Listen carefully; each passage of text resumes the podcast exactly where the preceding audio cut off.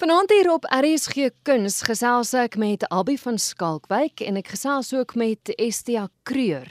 Hulle is beide betrokke by die Liedmakersgilde. Albie, ek gaan sommer by jou begin want dit was jou jou breinkind 1994, 28 jaar terug het jy die Liedmakersgilde begin. Hoekom? Wat wat was die idee daar agter?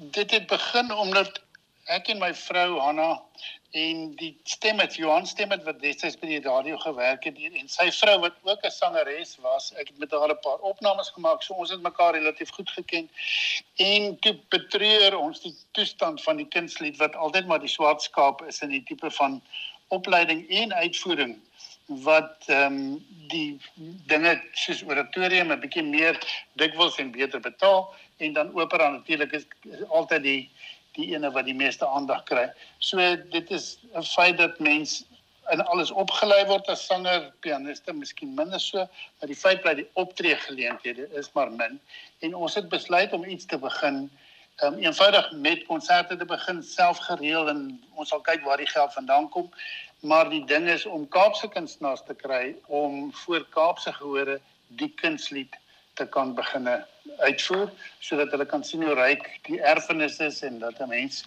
ehm um, kan geniet wat wat onbekend is ook en natuurlik daar's vreeslik baie van kunste wat bekend is ook. So is dit reg as ek sê die hoofsaaklike doel was om om opvoergeleenthede te skep vir dit. Ja, dis dis heeltemal reg. Dit gaan ek bedoel want omdat dit deel van die opleiding is, maar nie baie mense kan dit bekostig miskien in terme van tyd of geld om eenmal 'n jaar 'n kunstlied uitvoering dit se klomp werk dis klomp memorisering dis klomp dis 'n groot aanbieding dis net jy wat daar so staan as sanger daar's nie 'n kostuum nie daar's nie produksie nie. Uh soos ek sê pianiste miskien dis altyd die swaarskap vir hulle ook kom sal ek nou met sangers iets doen as ek nie regtig van sang iets verstaan of so of ooit mee te doen gehad het nie. En die punt is daar is baie mense wat dit reeds kon doen, maar hulle kry nie die geleenthede nie. So ja, dit was die afspringpunt. Nou soos ek sê, dis in 94 begin 28 jaar wat jy so ver bestaan. Maar nou verstaan ek gee jy die aflosstokkie oor aan iemand anders. Wel, ehm um, daar's 'n tyd vir alles. Ehm um, so die dinge is ek het afgetree amper 4 jaar gelede of 4 jaar gelede van universiteit en op 'n stadium moet mense sê dis nie genoeg nie maar nou wag 'n mens vir die regte soort van mense wat wys dat hulle reeds al die ding bietjie gedoen het en dan kom een en dink mens ja miskien en dan nie tog nie. En daar skielik was Estia Ook is skielik nie maar wat wat ons betref was dit die regte soort van persoon en dit is iemand wat ook maar soos soos almal van ons van die solo uitvoering van al die regte dinge gedoen het en die groot klavierspel geleer het en dan meer en meer subtiele dinge begin doen het.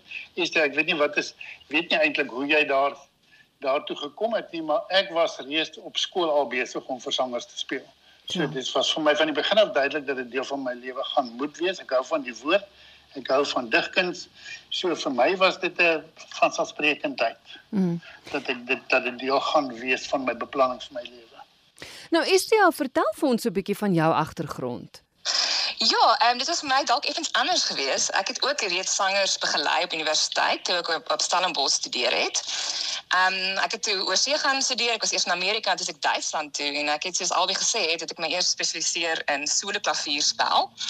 So ehm um, terwyl ek daar studeer het egter, het ek in aanraking gekom met 'n nuwe professor, ehm um, sy naam is Gerald Huber en hy is toe daar nie aangestel by die hoërskool waar ek was in Duitsland in Würzburg. En alhoewel ek al reeds met sangers gewerk, natuurlik ook kunslied gespeel het, het daar vir my op daai stadium toe ek hom leer ken, het die manier waarop hy oor die kunslied praat, hoe hy dit speel, het of my hele nuwe wêreld oop gegaan. Dis eintlik presies wat Albie gesê het, daai subtiele kuns, want natuurlik in 'n klavierspel, ehm um, ja, tegnies musikaal natuurlik ongelooflike groot uitdagings, maar dit wat jy as kunslied pianis nodig het, hierdie baie klankskakerings om ongelooflik sag te kan speel sodat die teks steeds gehoor kan word. En dit is so belangrik en is eintlik so groot uitdaging um op soveel verskillende vlakke. So ek was dadelik verlief op die kunslied toe ek dit ken het in Duitsland en ek het toe um ook 'n meestersgraad gedoen in um ek mense seker kan sê liedkunsliedgestaltung is dit in in Duitsland word genoem en uh, daar's ook letterlik aan elke hoërskool 'n meestersgraad in die liedkuns. Ehm um, so dit was my 'n ja, ongelooflike ervaring en ek het besluit om verder daarin te spesialiseer en toe ek die pos gekry in 2019 by die Universiteit van Kaapstad as klavierdosent. En dit was natuurlik ook vir my baie belangrik dat daar ook in my loopbaan in Suid-Afrika 'n groot fokus sal wees op die kunslied. Omdat ek so passievol is daaroor, omdat ek gesien het wat 'n kunslied kultuur ook in Duitsland bestaan, wat ek dink ons nog meer hier kan ook ontwikkel. Hmm. Jy is nou artistieke direkteur van die Liedmakersgilde. Wie is saam met jou in die komitee? So dis al dis al my is albei nog steeds ook op die komitee om die kontinuïteit te verseker natuurlik ons te help om eers ons voete te vind as nuwe komitee. Dan is daar Magdalene Minnar wat die nuwe artistieke direkteur van Kaapstad Opera is. Dan is daar ook Menet Toy Piers, 'n sangdosent by Universiteit van Stellenbosch en Christine Bam wat dan meer aan die die organisasiekant vir ons help. Dit is die nuwe komitee. Vertel vir my van die jaar 2022 wat nou voorlê. Bly julle in die tradisie van 6 konserte 'n jaar of of doen julle dinge heel anders? Op die oomblik gaan ons nog in dieselfde tradisie bly. Die konserte gaan ek weer in Aaron Hall ehm um, plaasvind soos wat die gehore aangewoond is. Ehm um, daar is wel een konsert wat uitgestel is van die die lockdown, lockdown fall out ehm um, 'n art song murder mystery is die konsert se naam. En dan is daar ook nog ses ander konserte vir die jaar beplan. Uh, wat so 5, 6 weke uitmekaar uitgespaseer word. Ons het wel ook egter besluit dat ons graag wil meestersklasse deel maak van dit wat die liedmakers gilde aanbied. En dit is veral ook vir ons belangrik om 'n nuwe generasie van kunstenaars te kweek wat ook passievol is oor die kunstlied.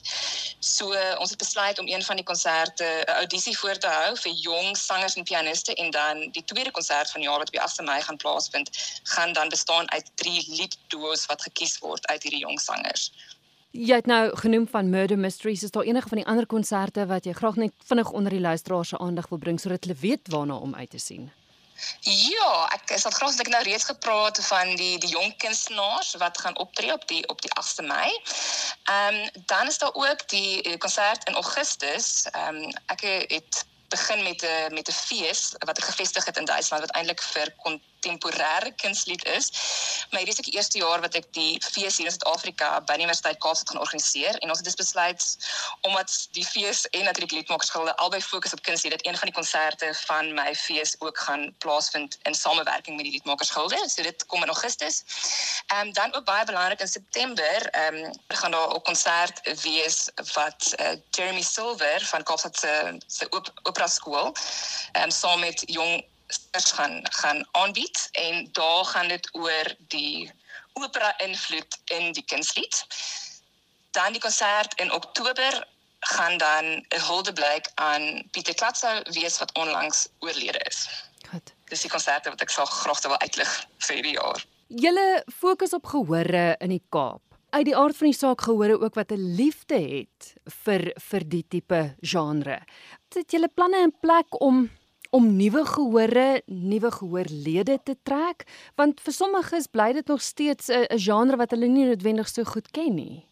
Dit bly 'n konstante probleem en ek dink dit het met een van die van die dinge wat gaan werk met hierdie nuwe stelsel van die nuwe komitee is dat daar al allerlei maniere is om dinge te adverteer, maniere om 'n ding te stel, 'n manier om 'n ding te laat lyk.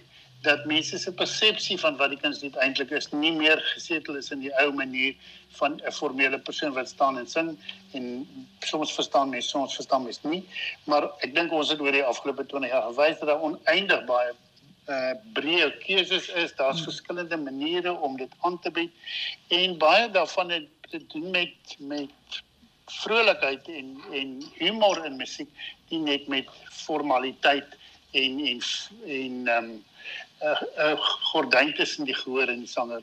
Ja, ek dink dit is wonderlik en dankie dat julle die kunslied laat voortleef. Het julle 'n webwerf? Ek verstaan daar's 'n daar's 'n splinter nuwe een wat op pad is wat ek reken seker al die inligting bevat. Ja, die webwerf is dan www.songmakersguild.co.za. En daar's natuurlik ook 'n Facebook bladsy waar mense sal inligting vind oor die konserte wat wat opkom.